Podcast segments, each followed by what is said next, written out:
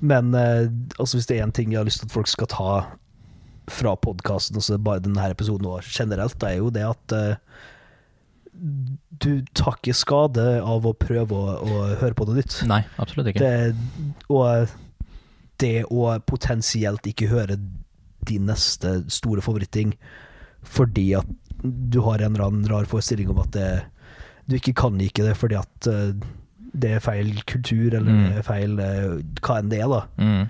Prøv å hoppe over den hindringa, Mm. og eh, bare grav litt, så plutselig så har du en mastergrad. Ja. Sant? ja, ikke sant. Og det, det hadde jeg aldri vært foruten nå, så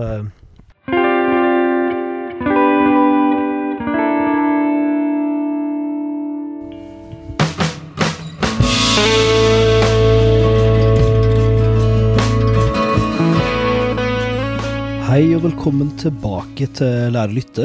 Vi må bare beklage om stemmen min er litt uh, dårlig. Det har vært en uh, lang helg med mye stemmebruk, så den er litt utslitt. Men jeg skal prøve å holde ting så kort som det går. Dette er da del to av eh, episode tre med Vetle. I del én som kom ut forrige uke, så prata vi om Gojira. Så i del to av diskusjonen så går vi over på Periphery, som vi nevner litt i forrige del. Så går vi over til strengekvartett nummer to fra Bela Bartok, som var da min lyttechallenge til han. Og siden det er litt eldre musikk, så finnes det en royalty-free innspilling som vi kan bruke fra Borromeo String Quartet, så det blir litt gøy med det. Etter det så går vi over i en sånn større metadiskusjon om å utvide musikksmaken sin, om å være åpen, da.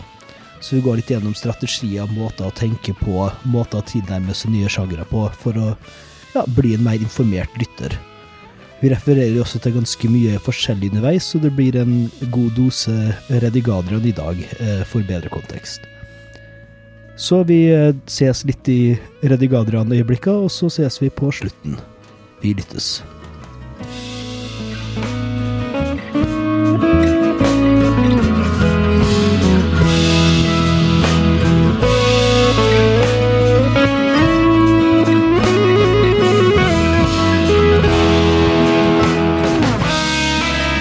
Vi litt på Periphery? Ja. Vi har snakka om hvordan Periphery er annerledes enn Gojira, Mm. men det det går jo også an å snakke om Periphery på sine egne premisser, da. Ja. Veldig gøy. Og det var jo bare fordi du ga meg egentlig et til-album som er litt i samme gate, men også veldig annerledes. Er, eh, jeg føler føler det er så vanskelig å, Mm. vanskelig å si sjanger.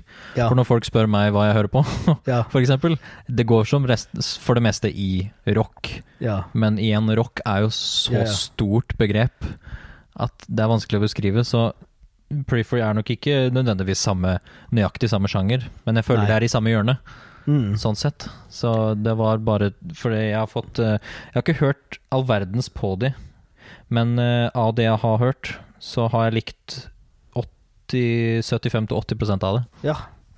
Og det er en god Og det er jo en god, en god statistikk, det. det, det, ja. det er mange fotballspisser som bommer oftere, for å si sånn. Ja, Så det, det er jo gøy, da.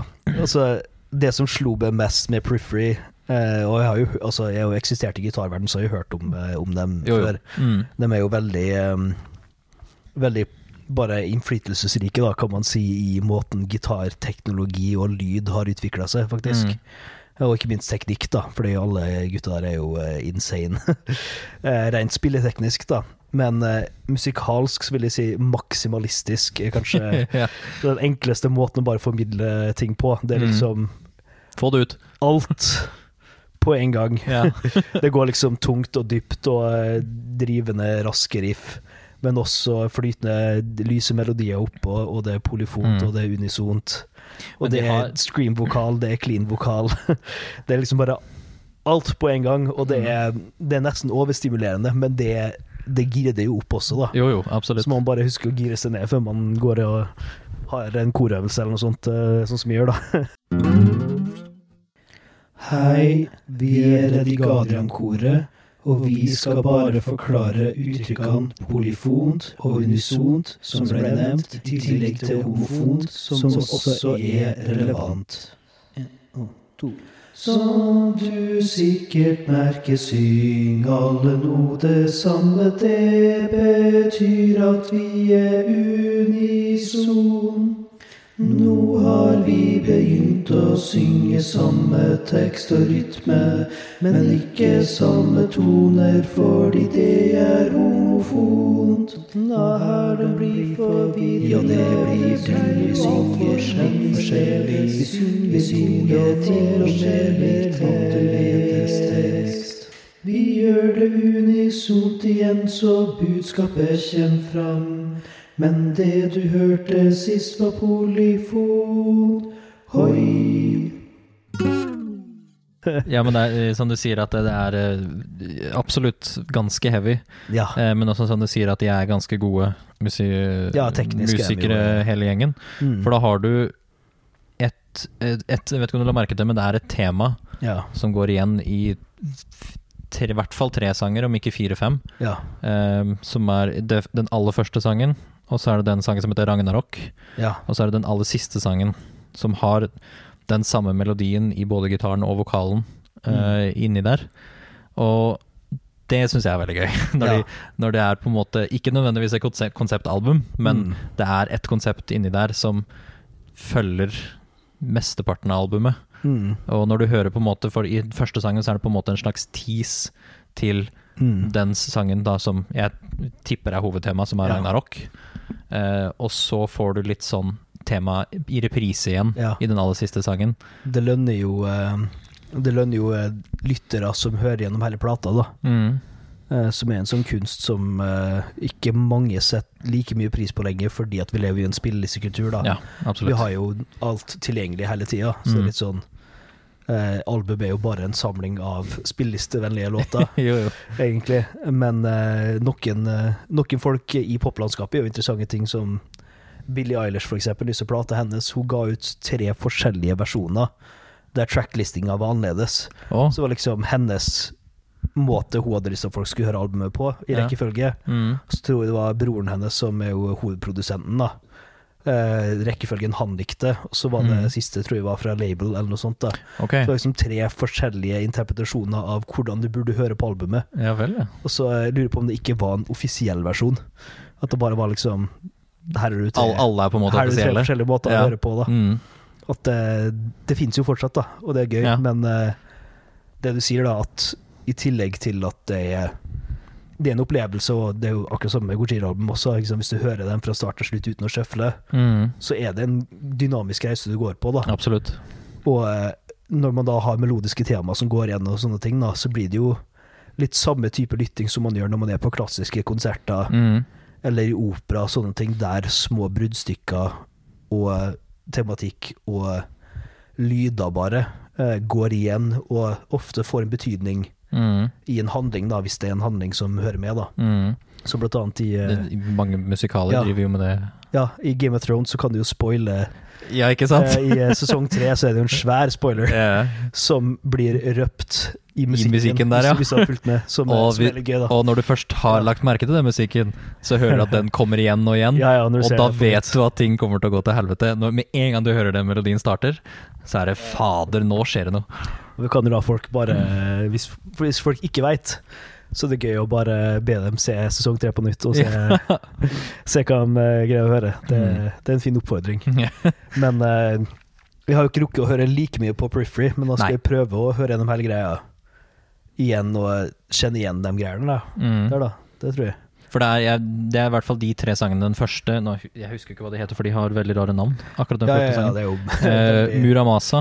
Jeg er sikkert ut, uttaler det sikkert feil, men Muramasa, Mm. den første sangen. Og så Ragnarok, i hvert fall, som er midt i midten, faktisk. Ja. Og så Masamune, som er den aller siste sangen. De, de vet jeg i hvert fall kjører på med samme tema. Ja. Eh, melodisk tema, altså. Og det, jeg tror nok det temaet er inni, slengt inni en og annen sang inni der også, men jeg, kom, jeg kan ikke huske akkurat nå hvilke det er. ja. Men der er det som en slags da, Mm. en intro, holdt jeg på å si. En slags eh, Hva er det det heter? Over, overtyre, holdt jeg på å si. Ja, en over, altså, en overtyre er jo eh, Eh, bare for å gå på definisjonsforklaringa. Ja. En overtyre er jo et musikalsk eh, eh, Altså det er åpningsnummeret i Ja. de fleste Mm. musikkteater, da, altså opera og sånn. Og da blir vel alt hovedtema Ja, du tar alle, introdusert. du tar alle tema, Mm. eh, som oftest alle store tema fra hele greia, Ja. og lager en medley, basically. Mm.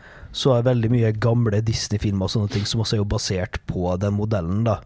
Har også gjerne i opening credits en liten mashup av alle bangersa fra filmen som kommer til å komme, da. Mm. Om det er The Sound of Music, eller om det er et par andre musikalfilmer, liksom, så Mm. hører du gjerne Hvis du kjenner alle sangene, da, så hører du å ja, det her er jo melodien fra den, og så kommer den, så kommer den, så kommer den, og det, det setter Det oppsummerer egentlig hele handlinga, men det setter også stemninga du kommer til å gå gjennom, da. Mm. Så det forbereder litt som en lytter, da.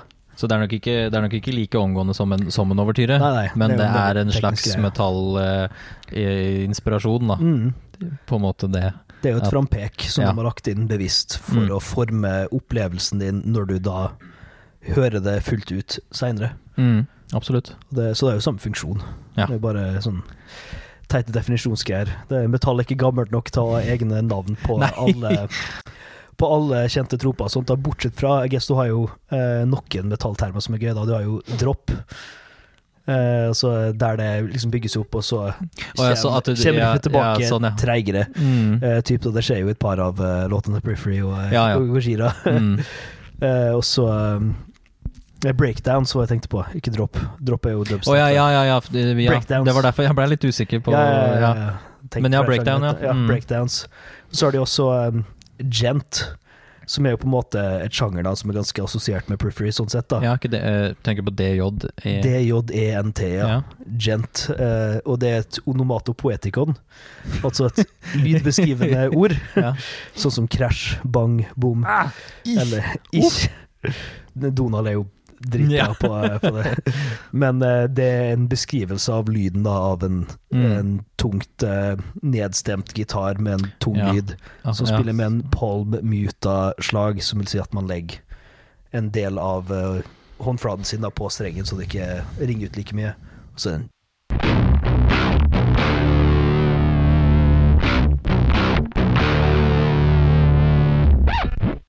Og den lyden brukes jo mye i riff, og det starta Altså, den retninga av musikk da er på en måte litt sånn beskygga type Mm. Den type band da som inspirerte folk seinere, som blant annet Periphery, da. Mm. Men Periphery er jo mye mer enn bare gent. Jo, jo. De er jo vel, altså Gent eh, sånn rundt 2015 var jo en egen eh, Det var et eget meme eh, Mm. innen metall-YouTube-sfæren. Ja. Eh, kan man si. Det var jo eh, var et par gitarister som hadde sånn konkurranse om å ha gitaren med flest strenger som spilte dypet, som kunne lage den mest gentete gent-musikken. Og det er jo bare ah, er gøy med litt sånne historier også. Det, Mm. Kan, eh, kan lenke noen videoer i beskrivelsen. Men uh, Periphery har den der eh, vokalkontrastgreia som vi snakka om da, ja. med clean og Noe clean og noe heavy. mm. Det sa vokalist, eller? Vet du det? Ehm, jeg hørte Skal vi hva, Ja. Hvordan var det? For jeg, jeg fikk vel Jeg ble vel egentlig kjent med Periphery via en kompis, en gammel klassekamerat. Ja. Der jeg sa Jeg har hørt litt her og der eh, på en og annen sang, og jeg bare syns ja, det, det er ganske kule. Så var det han som anbefalte meg å høre på mer av musikken deres. ja. Han nevnte vel at de, det var Det ser ut som det er bare én Det- vokalist. I hvert fall var en. Ja. Oh my Ja, god, research in the middle of an episode? I hvert fall Prefree 2 på Wikipedia-artikkelen til, eh, til det, så står det bare oppført én sanger. Ja.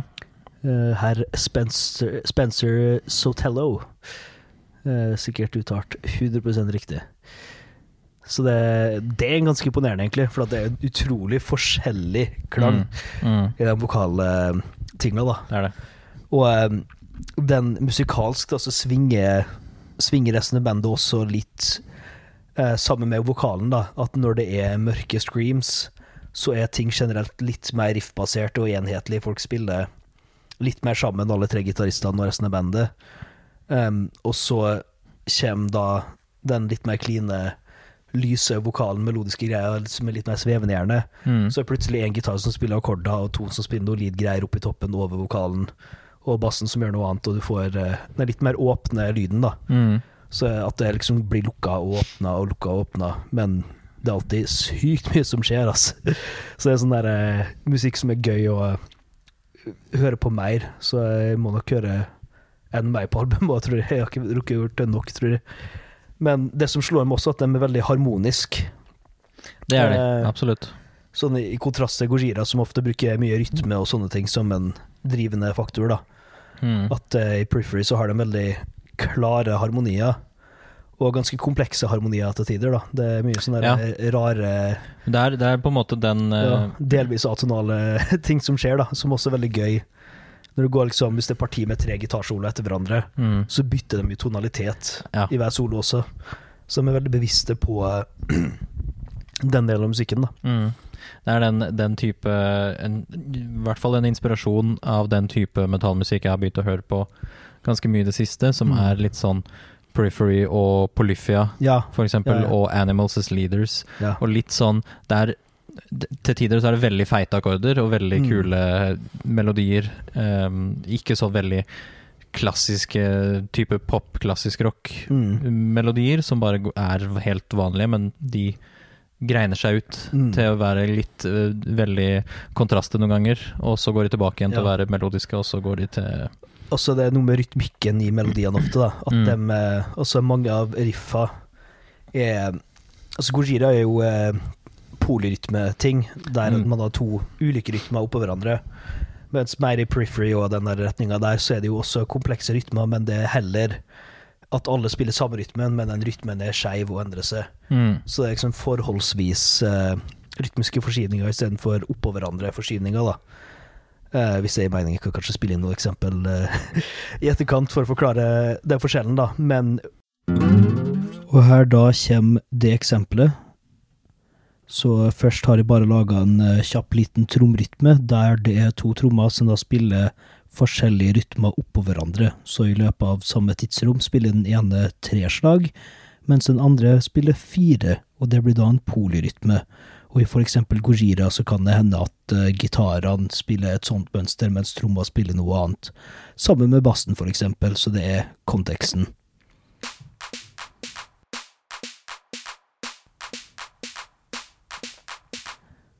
Så kommer det en annen rytme der de samme to trommene spiller sammen, men de spiller et vanskelig mønster, og så har jeg da lagt til en basstromme som bare spiller fire-fire under, så man kan høre den vanskelige rytmen forholdsmessig til den vanlige takta. Det hører du her.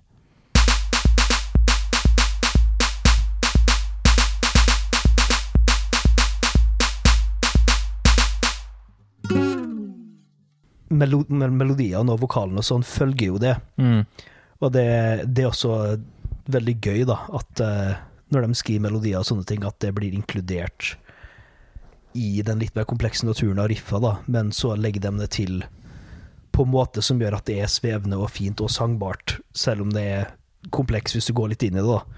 Ja, det er liksom ikke bare 'vi har funnet opp en melodi', kan du skrive en tekst og en melodi opp Ja, ja. på toppen, og så slenger vi det på. Ja, det høres litt ut som eh, vokalisten er integrert i er, skrivinga. alle er på en måte med å jobbe med, Mm. med sangen.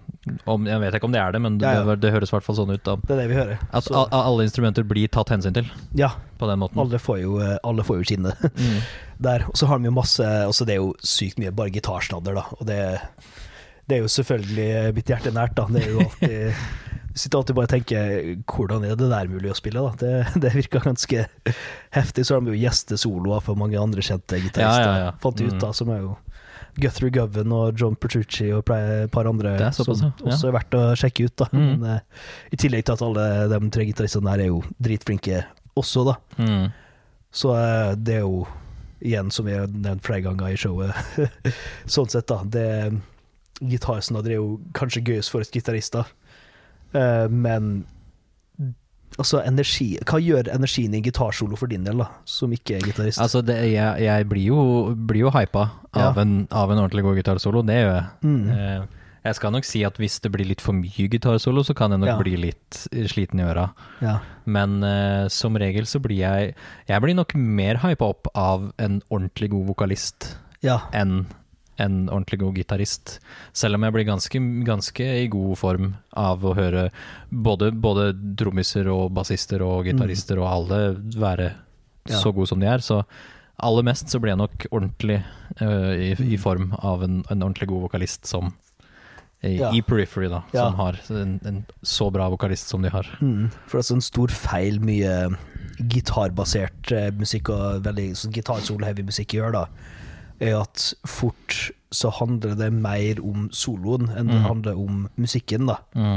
Og det, det, altså det er jo en tendens som finnes i andre sjangere også, sånn som eh, Det er noe romantisk, klassisk musikk, eksempel, altså ting fra 1800-tallet og sånn, der der instrumentene har begynt å utvikle seg såpass at uh, man kunne gjøre mye mer tekniske, vanskelige ting på dem. da. Mm. Så det ble det også en sånn der teknisk arms race blant komponister, spesielt pianister, da, om å skrive den raskeste, mest insane tingen. Og noe av det er ganske kult, noe er veldig effektfullt, og noen bruker jo de her nyvinningene til å skape nye teksturer i musikk som er utrolig vakkert. Og så er noe Ok, det her er egentlig bare en teknisk øvelse.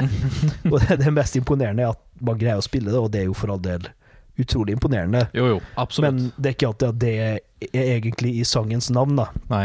Og det kan jo også da gjelde gitarsolo og sånt, da. Men jeg syns Priffery gjør en grei eh, kompromiss der, da. At det, Mm. det er et parparti, det er parasangen der det er tre soloer etter hverandre. Mm. Men igjen, det er harmonisk annerledes mellom hver solo. Og de tar over fra hverandre veldig sømløst og gjør noe nytt og interessant alle sammen, da. Så det driver, driver energien i låta videre på en. Måte som bare det å repetere riffet ikke hadde gjort, da. Ja, altså, altså, grunnen til at jeg liker, eh, siden jeg er bassist Ja. eh, slash vokalist, holdt jeg på å si sjøl, så liker jeg jo bassister bedre enn Ja. gitarister. Fordi mye Sjokk. fordi bassister vet når de ikke skal spille, Ja, gode, gode og når de skal ja. spille. Det er det gode bassister i hvert fall eh, gjør. Og de er generelt bedre på det enn gitarister.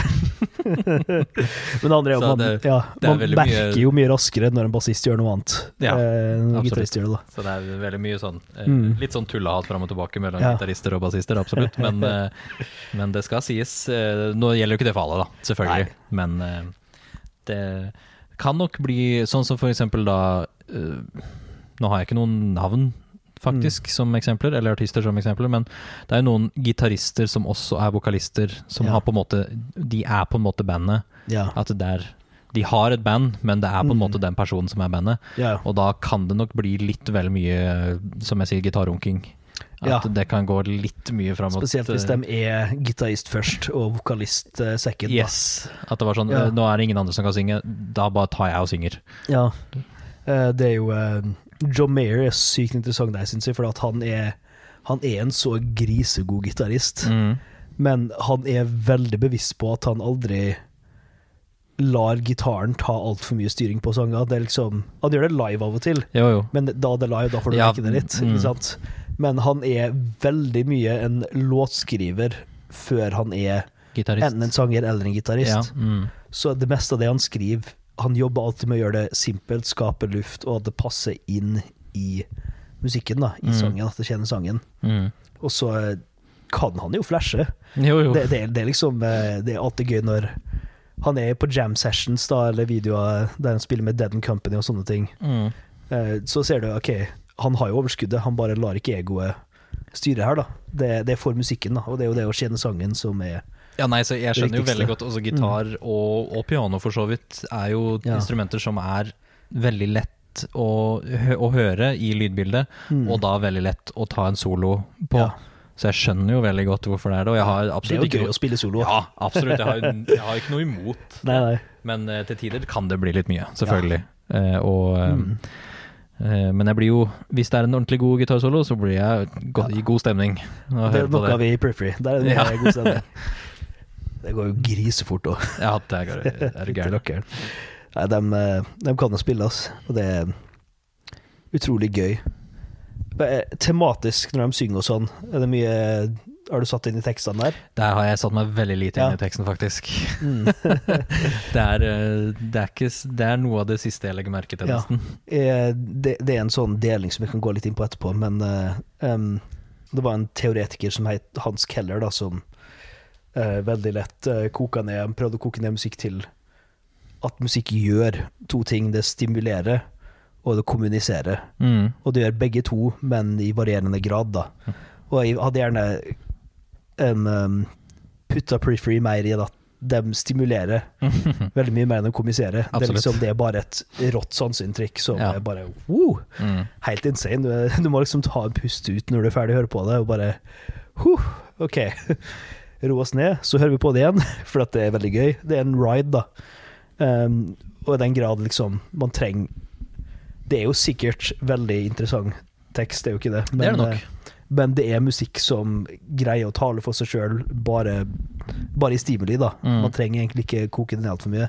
Mm. Det er jo gøy når man har en hjerne som greier å telle ok, ja, det er en syvtaktsgreie, det er noe annet morsomt som skjer, men Litt Dream Theater-opplegg? Ja, det er litt Dream Theater-opplegg, men på, på litt annen måte, da. Mm. Men det lar eh, Det er bare en opplevelse, da. Det, det er jo faktisk ganske mye av den litt mer eksperimentelle, klassiske musikken som også er litt lik, da. At den er utrolig kompleks, men det de egentlig prøver å gjøre, er å kommunisere gjennom å stimulere, heller Mm. enn å bare si 'dette er det sangen handler om', da. Ja. ja, nei eh, Jeg vet ikke. Det er, det er eh, tekst Det er faktisk bare de siste åra at jeg har begynt å ordentlig legge merke til tekst i musikken jeg hører på. Eh, Jeg vet ikke helt hvorfor, men det har bare alltid falt bak i baksetet for min del. At det har, det har, ikke, det, har ikke, det har ikke interessert meg så mye.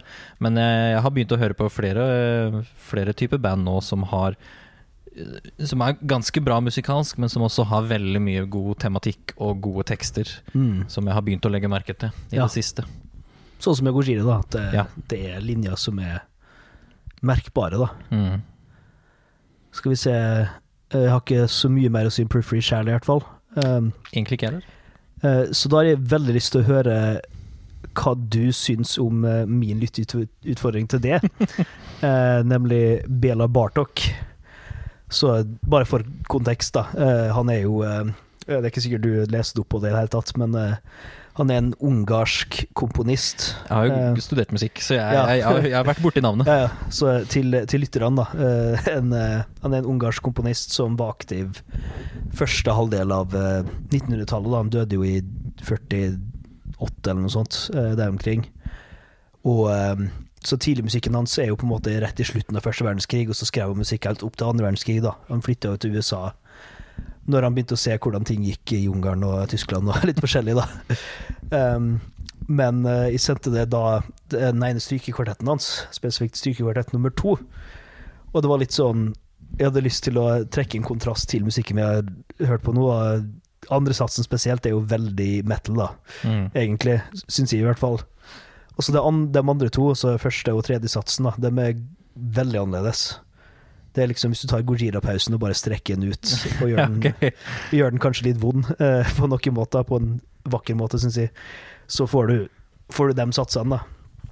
Men uh, ja, hvordan var det å lytte på det? Jeg har jo absolutt ikke noe problem med å lytte på klassisk musikk. Mm. Det er jo, jeg har eh, en egen spilleliste på, på Spotify som Ja. er litt sånn klassisk, eh, men også litt sånn film, Ja. og, film og spillmusikk. Er det mye symfonisk, da, eller? Ikke sånn kjempeveldig mye av det, egentlig. Det er mer eh, litt sånn korte stykker som ha, Ja. har sin egen melodi i seg sjøl. Ja. Men eh, det var aller, det, aller først så hørte jeg på det mens jeg satt og gama, ja. så jeg fikk jo ikke analysert det så nøye. Mm. Men andre gangen så var det litt mer i, Da hadde jeg på headset i øret mens jeg holdt på med andre ting, sånn som vaske Mm. og sånn type ting. Og da har jeg muligheten til å høre på det litt mer. Uh, og det, jeg skjønner hva du mener når du sier Mm. at det er litt mer eh, Hva var det du sa? Litt mer metall? Eller litt mer heavy? ja, den andre satsen er ganske heavy. satsen, ja. Ja. Så jeg skjønner hva du mener Mm. med det. Og jeg syns uh, det var, i hvert fall i starten, ganske dramatisk, Mm. de, de melodiene som kom inni der. ja. Og jeg følte Hva skal jeg si? Nei, nå, nå vet jeg ikke helt hva jeg skal si. Men uh, ja. Altså, var, eh, hvordan gikk du fram i å høre på det? På måte, altså, hadde du noe Hadde du noe gameplan eller noe sånt? Var det noe som endra seg etter hvert som du hørte på det? Nei, altså først så bare satte jeg ned, og så hadde jeg det på øret. Mm. Og så tenkte jeg ikke så mye mer over det.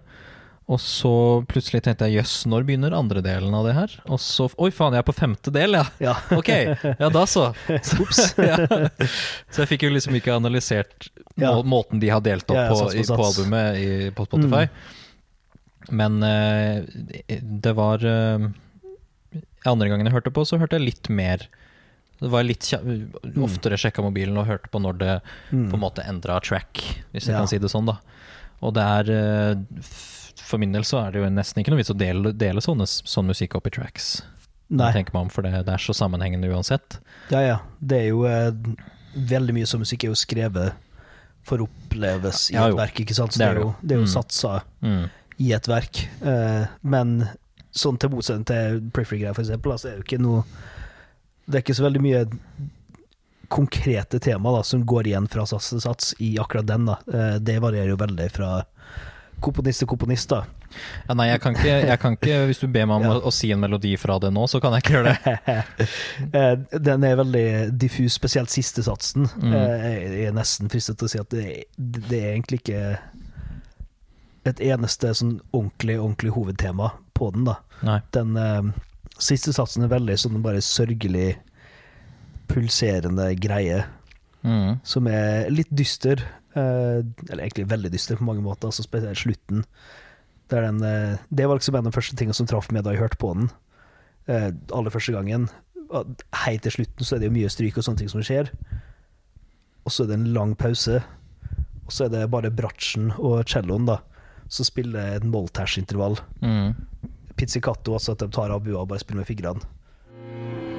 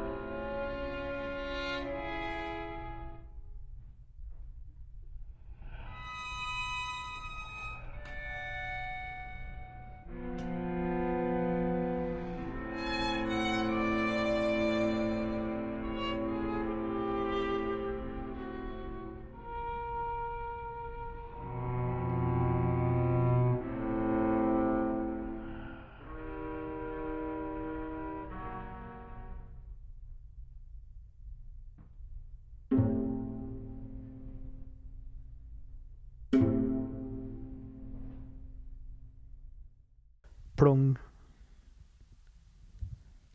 Plong. og så er det ferdig. Men det, det er en så dyster bare oh, Mm. Wow.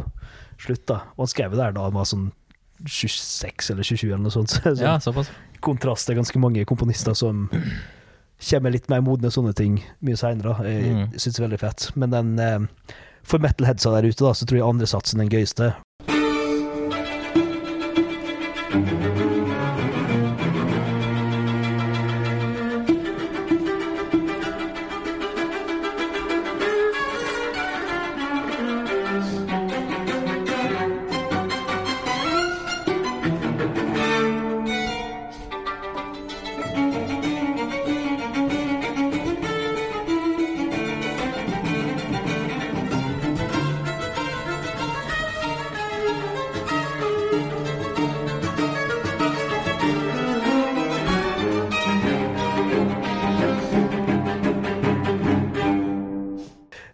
Hadde gjort det med band, så hadde det jo blitt utrolig tungt, da. Mm. Eh, kanskje jeg kan lage litt utdrag. Eh, det hadde vært gøy. Ja, nei, jeg, jeg kan ikke si at det, Ja. det, det gjorde så veldig inntrykk på meg, egentlig.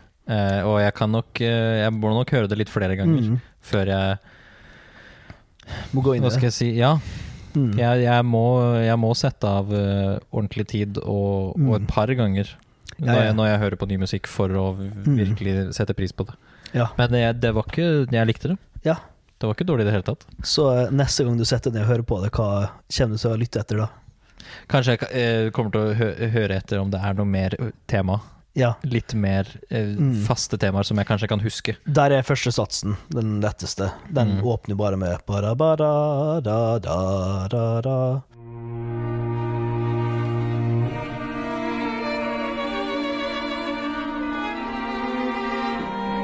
Og så går jo det bare gjennom i ganske mange forskjellige varianter. Mm. Men den repeterer jeg veldig ofte, da.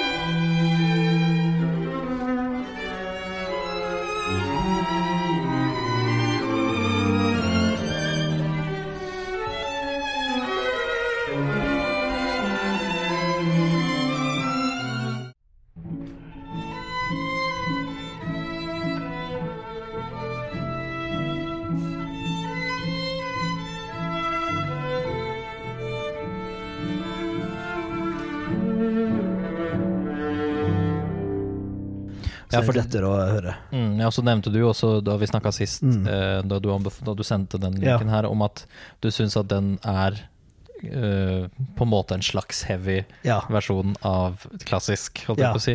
Og det var jo når, når, du sa det, så var jo det noe av det jeg prøvde å legge merke til ja. når jeg hørte på den nå. Mm. Og jeg hørte jo, jeg hørte hva du mente. Det gjør jeg. Mm. Men uh, jeg vet. Det ga bare ikke så Jeg, jeg, jeg bare husker det ikke. Det bare, mang, det bare mangler tromma. Det er ja. det som er greia, vet du.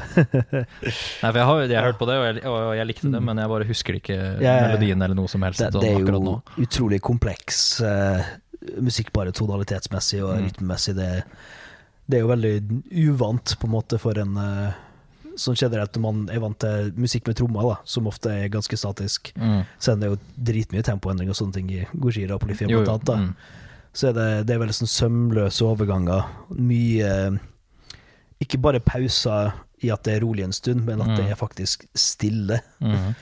I liksom opptil tre sekunder før neste tema kommer, eller neste ting. Og det blir, ja. mm. Man må høre på interaksjonen mellom instrumenter også, da. Ja. Eh, det er veldig sånn greie i stykekvartett. Eh, at liksom, OK, altså moderne stykekvartett, da, jeg merker. Eh, det kan bli en rant for en annen gang, men, men at et tema presenteres i den ene fiolinen, så går det videre til celloen, ja, sånn, så går det til bransjen bratsjen mm. og til forskjellige, da.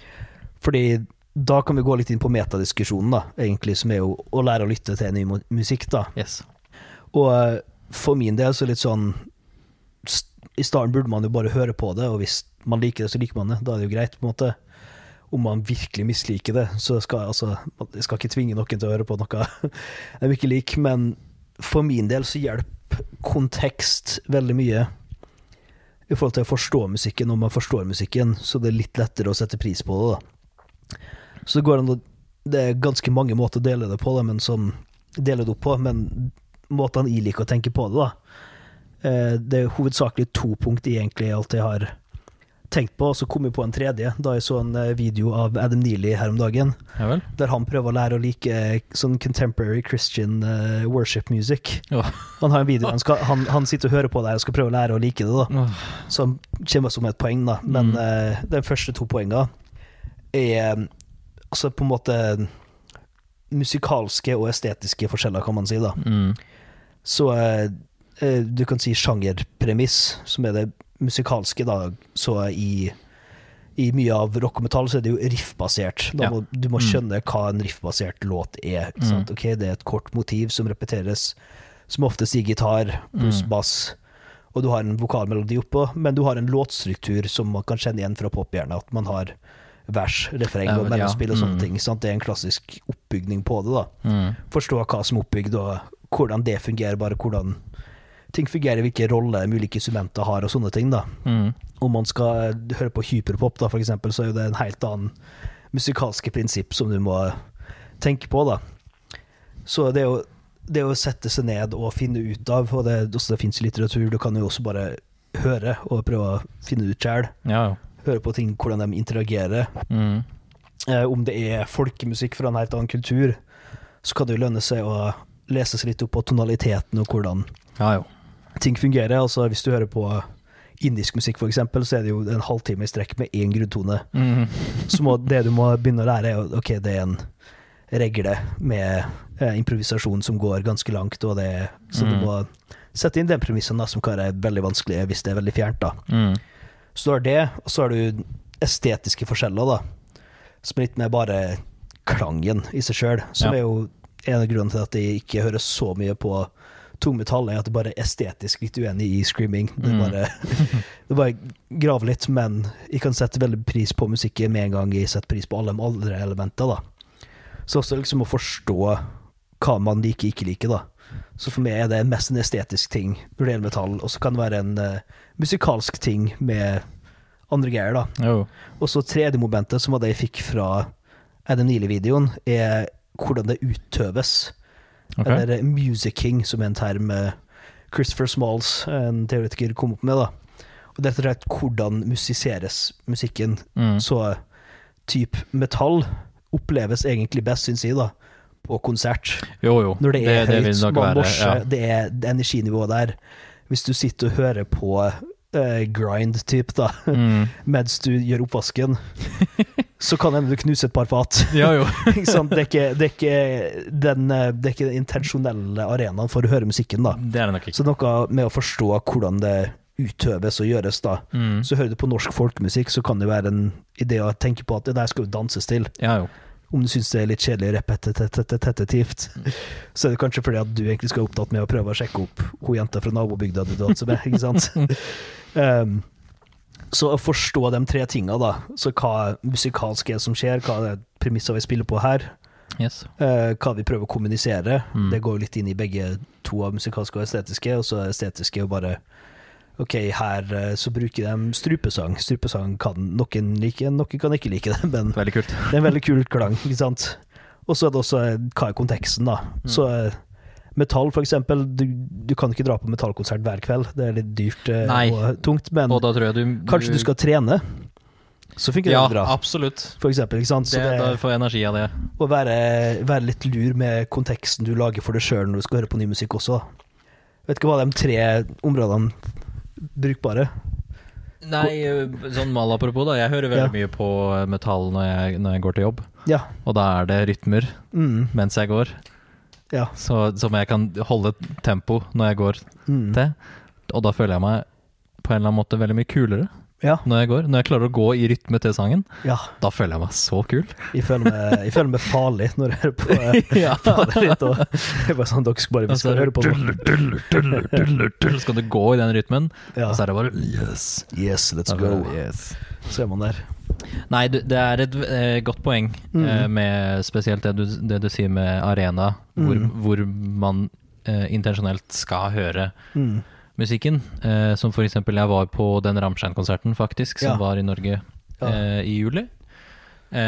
Og selv om du ikke er så veldig fan av Det sier jo alle som er på de konsertene, men selv om du ikke er så veldig fan av Rammstein, så er det en vil, voldsom opplevelse å dra, på, å, å dra på den konserten. Og Mm. kollegaen min hadde med seg kona si, som i utgangspunktet ikke er sånn veldig fan av Rammstein, Ja. men har liksom har hørt på det og syns det har vært greit. Mm. Men nå i etterkant, når du har vært på den konserten, så har jeg Åh, å ja, nå setter vi på den sangen igjen! Ja, Og så hører du på det. Da begynte å like det. Mm.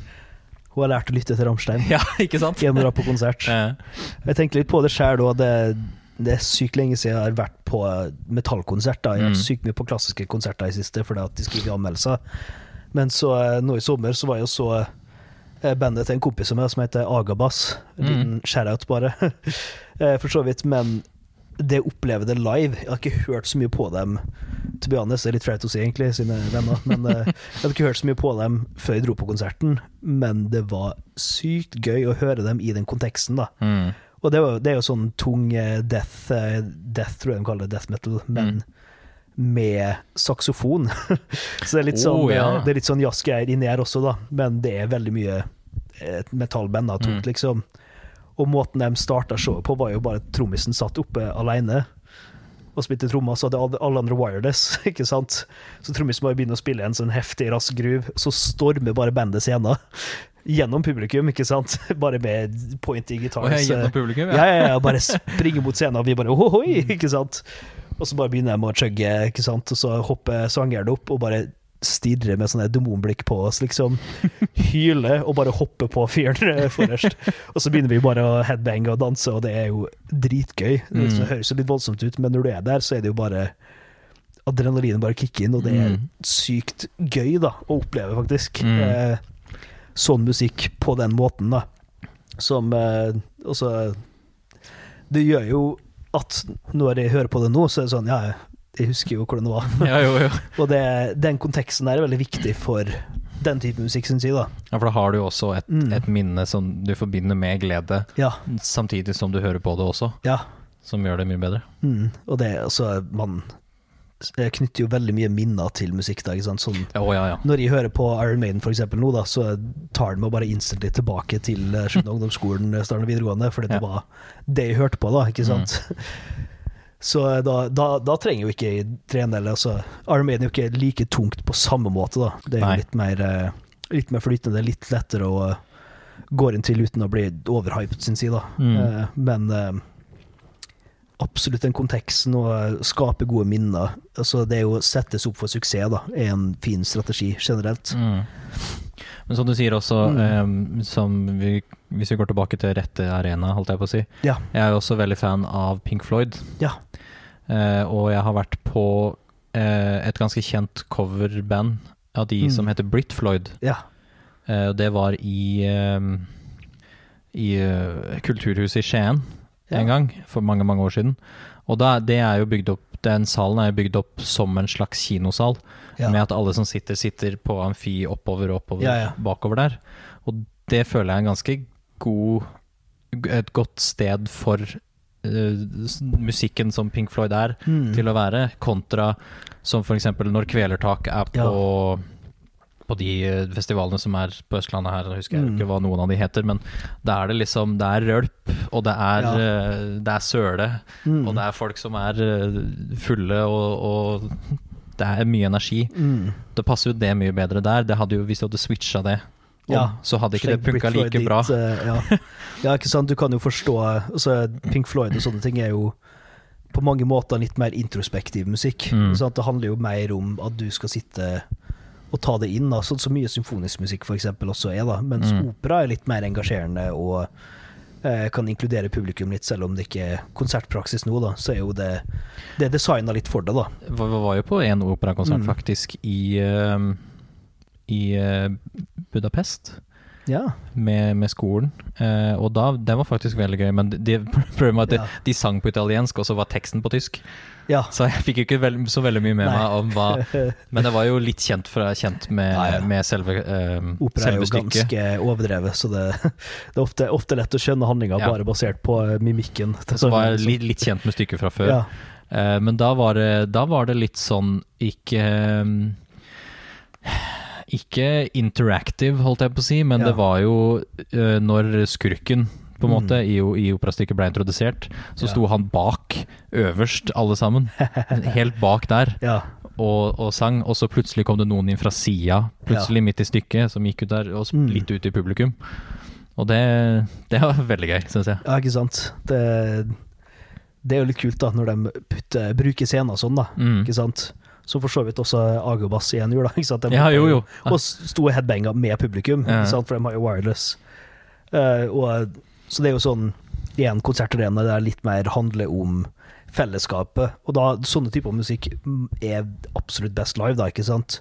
Det er det samme med improvisert musikk, for eksempel. Da. Veldig mye improvisert musikk er jo gøyest å se i øyeblikket, for da den improvisasjonen vil jo aldri være lik igjen. Nei, nei. Du kan jo høre på innspillinga, men Mm.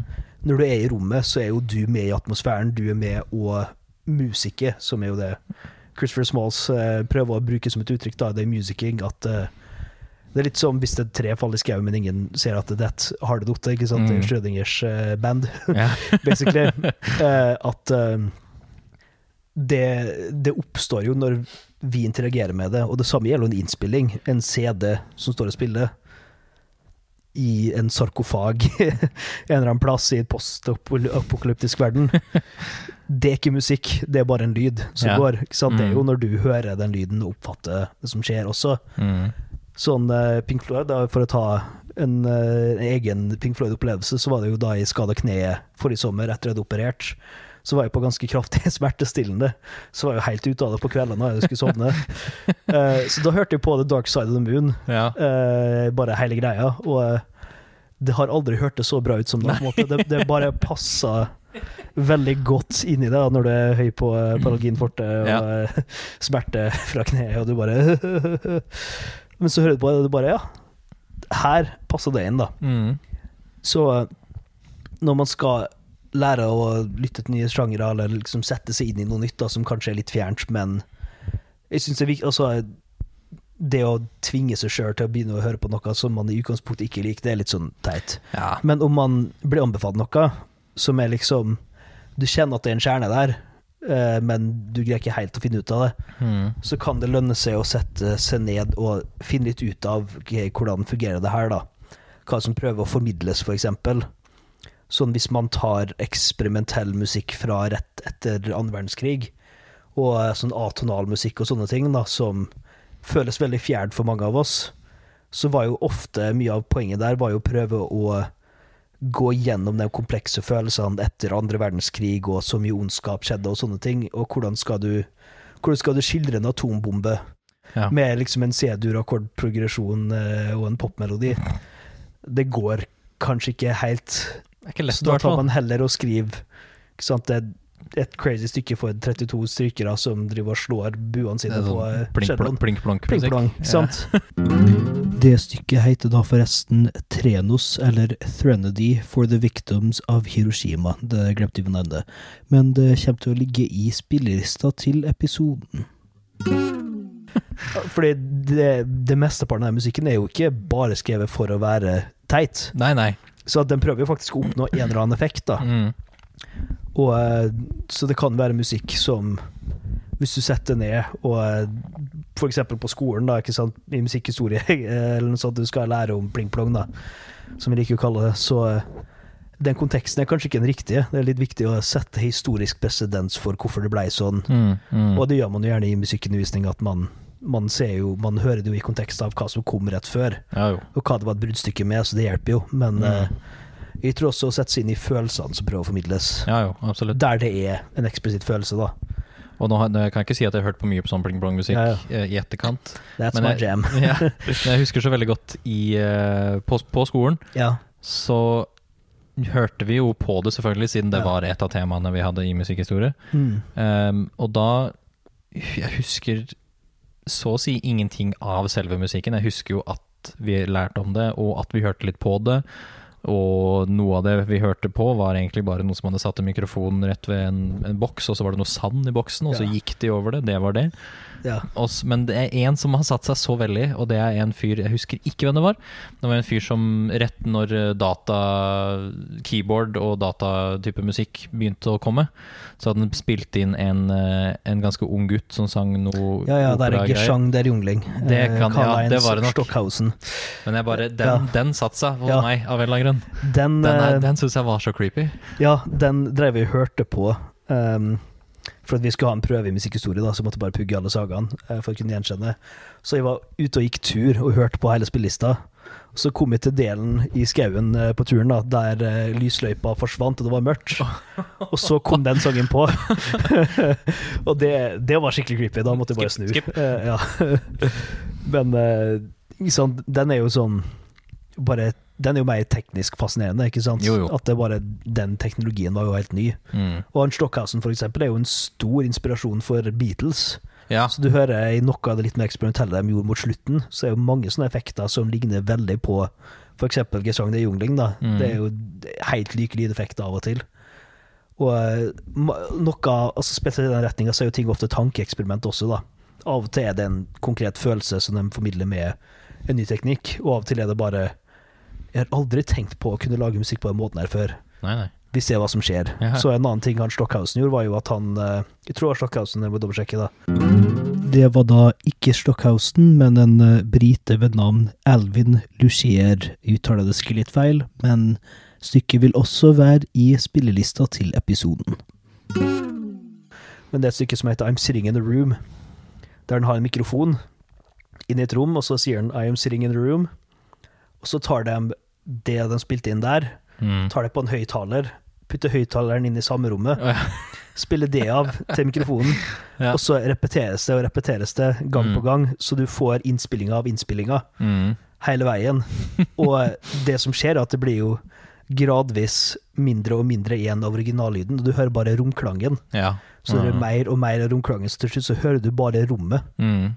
Så fyren sier jo 'I'm sitting in the room', og til slutt så hører du faktisk lyden av Ja. Mm. rommet, Mm. og fyren er borte. Og det, det er sånn Kanskje ikke gøyeste låta å sette på på en fest, eller noe sånt, Nei. men, eh, det er det men den er filosofisk interessant, Ja. ikke sant? Det er den, absolutt. Eh, Så eh, det er jo det, da, at av og til om man ikke helt skjønner greia i starten, så er det ikke, det er ikke så mye info som må til før man kan sette pris på det. da. Nei. Og om man har gått gjennom hele reisa og funnet ut Vet du hva jeg liker, det jeg liker bedre, så eh, går det jo helt fint. Ja, ja. Det er, det er Du har jo bare lært noe. Du har lov til å ikke like musikk. Ja. Men det er veldig, veldig mange feil Mm. som mange gjør, er at de dømmer musikken bare fordi de har hørt bitte litt av det, eller fordi de hører navnet. ja de har bare ha hørt at at det er populært, Ja. liksom. Og det er sånn Ja, for eksempel også eh, sånn som Justin Bieber og. Taylor Swift og, og, og hva nå enn alle de nye artistene heter, Nicki Minaj og sånne type ting. Nye artister, sier jeg, så sier jeg Nicki Minaj. Det det følger ikke så mye. Doja Cat, da, for Ja. eksempel, og, og de der der. mm, Så er det veldig mange jeg, jeg både vet om og kjenner som dømmer det bare fordi det er popmusikk. mm, Og jeg skal si, jeg hører ikke så mye på det sjøl, mye fordi det appellerer ikke så veldig mye til meg, men Mm. hvis en sang kommer på, så har jeg ikke noe mot å høre på det. Og jeg syns det er jo en og annen sang av både hun Lizzo, hvis du har hørt om hun, Ja. nye Lizzo, og, um, og Doja Cat, som jeg syns er ganske bra, mm. som jeg har på lista mi, Ja. til og med. Og det er eh, Men det er eh, Jeg er nok Jeg tar meg sjøl i å dømme det ja, ja. til tider sjøl. Det gjør vi jo alle. Ja, det er absolutt. Men eh, Ja, nei. Jeg har jo, som jeg nevnte tidligere, så hører jeg jo mye på Daily Mix Ja. på Spotify. Og for min del så hender det eh, som regel at jeg hører en sang, og så tenker jeg ikke så mye mer over det, og så hører jeg på Daily Mix igjen, og så dukker den opp igjen. Ja. Og så igjen og igjen og igjen, og så kanskje femte-sjette gangen, så tenkte jeg ja, hm, den her var kul, og så legger jeg til på spillelista. ja. Så det må på en måte gjøre et inntrykk av at å, den sangen her husker jeg hørte på sist, den husker jeg syntes var bra også. ja. Så det, for min del så må det gjennom et Mm. par, et par gjenhør før jeg hører på det. Uh, og det er sånn jeg har oppdaga de aller fleste av de nye favorittene jeg hører på nå for tida, Mm. faktisk. Det er jo gøy, da. For min del liksom stort sett bare anbefalinger fra folk. Og, Jo, jo, noen anbefalinger skjer jo også. men- eh, og så jeg hører veldig litt på Daily Mixes. da Jeg, jeg har jo liksom Jeg har jo lagra flere hundre album på Spotify som jeg har tenkt å høre gjennom en gang. Uh, som ikke Ja, jeg det har det, fått gjort. det er liksom eh, lista på, min ja. liste på Netflix. Den, blir- Ja. den blir aldri kortere. Men uh, det, det er jo litt av konseptet bak Lærlytte også, det er ikke Jo, sant at Mm. da i eh, eh, Der ble jo 2020 så før podkasten, så var det jo det at da du får den der year in review-greia for Spotify, så så jeg jo ja, det er jo bare musikk jeg måtte lære til skolen. Jeg hadde, Ja, okay. hadde mista Mm. litt den der gleden ved å finne ny musikk og bare tenne på noe fordi det er bra. Mm. Så derfor året etter det så tok jeg hørte på et nytt album hver uke og skrev en omtale som da ble Ja, stemmer. stemmer. ideen til podkasten. Mm. Så jeg har jo lyst til egentlig å dele den reisa med folk, da, som er jo litt av poenget med det her, da, Jo, jo. eh, som vi snakker om nå. At det Mm. er Når du finner noe nytt som kanskje er litt utenfor din vanlige referanseramme, så kan det åpne opp et helt hav av musikk som du aldri har vært Altså aldri hadde vært borti, da. Mm. Så det er jo de har jo en mastergrad i klassisk musikk nå, og det var jo et tidspunkt der jeg tenkte alt som var klassisk, var teit. Og det er litt sykt å tenke på, da. Nå. Det, Ja, for jeg jeg ja, husker på ungdomsskolen så var det jo liksom Da jeg begynte å høre på rock, ja. så var det jo fortsatt uh, litt mer heavy. Mm. Det er ikke så veldig kult. Altså fortsatt Ja. høre litt på pop. Og så jazz. Det skulle jeg i hvert fall Det skulle jeg aldri høre på. Nei, nei. Nei, det var ikke noe for meg. Det- Klassisk, det det eh, klassisk Eneste grunnen jeg skulle høre klassisk, var fordi det var med en film eller Ja. et spill. Ja. Og så begynte jeg å studere musikk, Mm. og så ble det litt sånn total motsatt igjen. ja. At nå skal jeg bare høre på jazz og klassisk. Fuck Mm. alt det andre. Det Ja. andre er bare drittmusikk som folk ikke, ikke Ja. med musikksmak hører på hele tida. Mm. Og så har det på en måte jevna seg ut etter hvert som året Ja. har gått. Um, Most corrections are overcorrections. yes. Men jeg tror nok alle som har, har vært eh, studert musikk til en viss grad, har vært innom akkurat den der med ja, ja. jazz og klassisk er det beste. Alt Ja. det andre suger.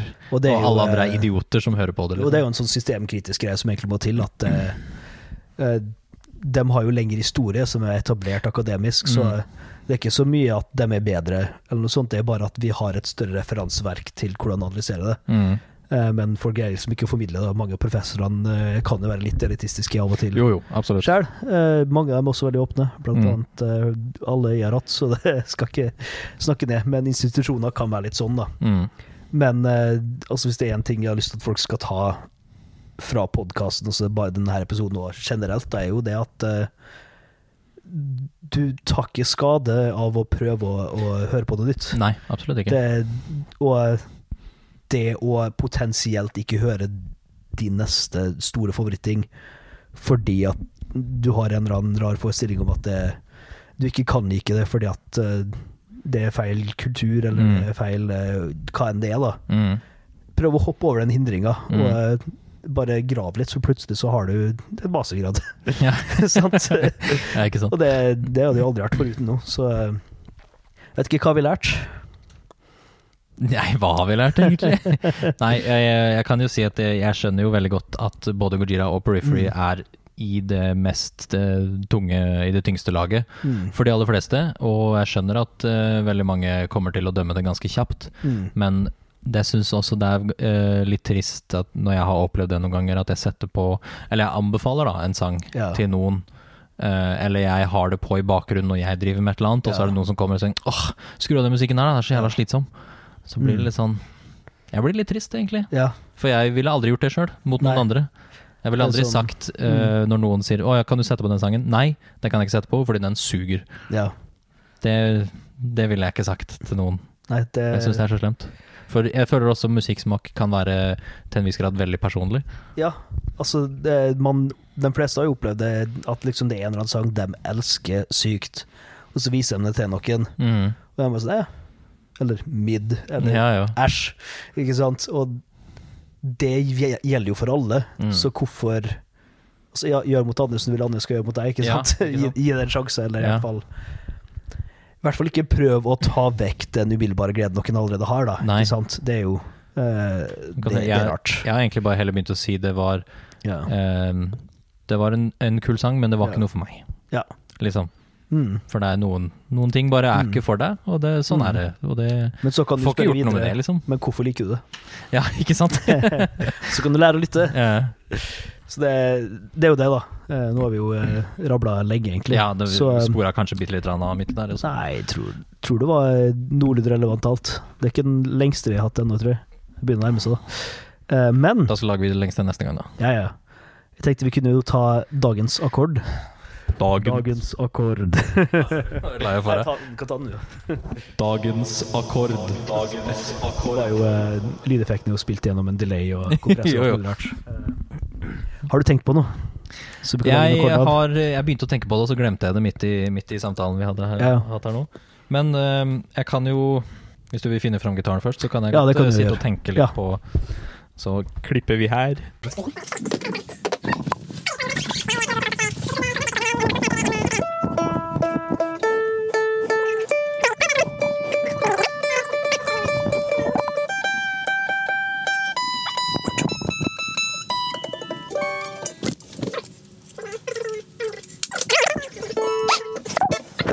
What you got for me? Nei, siden vi, vi snakka om uh, da Gojira og, og Periphery, Mm. som er mm, ganske heavy, og for min del kan uh, hjelpe når jeg er ordentlig forbanna. Ja. For- jeg føler at den, den bidrar til å få ut mitt Ja, ja. Det er en uh, katarsis uh, som uh, skjer, ja. Mm. Absolutt. Så vi kan godt ta ta sinne. Sinne.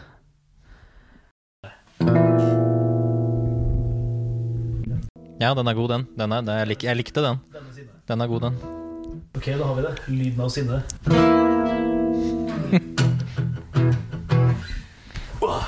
Sånn da. Åh. Sånn. Var det alt du håpte det skulle være? Alt og mer. Jeg gleder meg bare til neste episode. Ja, det, jeg må bare finne ut eh, hva det skal handle om. Nå har jeg et par i banken, da. Det blir gøy å eh, begynne å gi ut igjen. Og eh, Mm. fyr løs med temaet og ideer, selvfølgelig. Ja, jeg, jeg kunne Mm. godt tenke meg å være med på Ja. flere episoder. Jeg. Du er velkommen Jeg har Jeg har massevis av Ja, ja. band jeg elsker. Og nå har jeg jo, jeg har jo hørt veldig mye Mm. på Gojira og Periphery i min fortid. Mm. Og da vi snakka om det her først, så var vel det sommeren 2020. Ja, Så jeg har jo hørt på nyere ting siden Ja, ja. da. og gøy. jeg har uh, gått videre i musikken Mm. min. Jeg hører jo fortsatt mye på det, men jeg har Ja, jo gått videre også. Så jeg har uh, flere album Mm. uh, og band jeg har lyst til å snakke om. Gjerne om det er en helt annen retning også. Ja. Det, det kunne vært spennende. Så kan jeg se finne noe annet gøy å utfordre dere på. Skal vi ha sånne Taste Breakers med Adrian Vetle, eller noe Yes. sånt. Nei, det høres bra ut. Så eh, tusen takk for at du var med. Tusen takk for at jeg fikk lov til å være med. Mm, tusen takk for at jeg har fått uh, høre en haug med nye tunge riff jeg aldri hadde hørt før. det er gøy. Og så får vi tale oss neste gang. Ha det bra. Ha. Og det var da slutten på dagens episode, eller slutten på del to av dagens episode. Tusen takk igjen til Vetle som kom. Som dere sikkert hørte litt på slutten her, så var jo det her spilt inn under eh, pausen i fjor, da, så eh, det var jo litt sånn eh, tids, tidsforskyvninger, men det er jo bare morsomt, det. Kanskje det ikke blir så lenge til neste gang. Vi får se tenkte bare å gi enda en liten shout-out til Agabas, som vi nevnte litt underveis i samtalen. Jeg skal legge til en av sangene deres i spillelista til episoden også. Det er jo kompisen min Johan som spiller bass der, og jeg må jo eh, hjelpe vennene mine ut. Eh, og om de nevner det, så er det jo en spilleliste til episoden her, med det meste av referanser vi tok. Jeg har også lenka til i beskrivelsen her Unikum-artikkelen, altså Unikum er studentavisa her i Kristiansand. Og i den artikkelen der så skriver vi jo litt om det lytteeksperimentet jeg også fortalte om, der jeg hørte på et nytt album som jeg aldri hadde hørt før, hver uke i hele 2020. Siden det her var en eh, two-parter, så eh, kommer det faktisk da en ny episode allerede neste uke, og da skal dere få vite hva Hollywood-musikk er. Uh. Vi lyttes.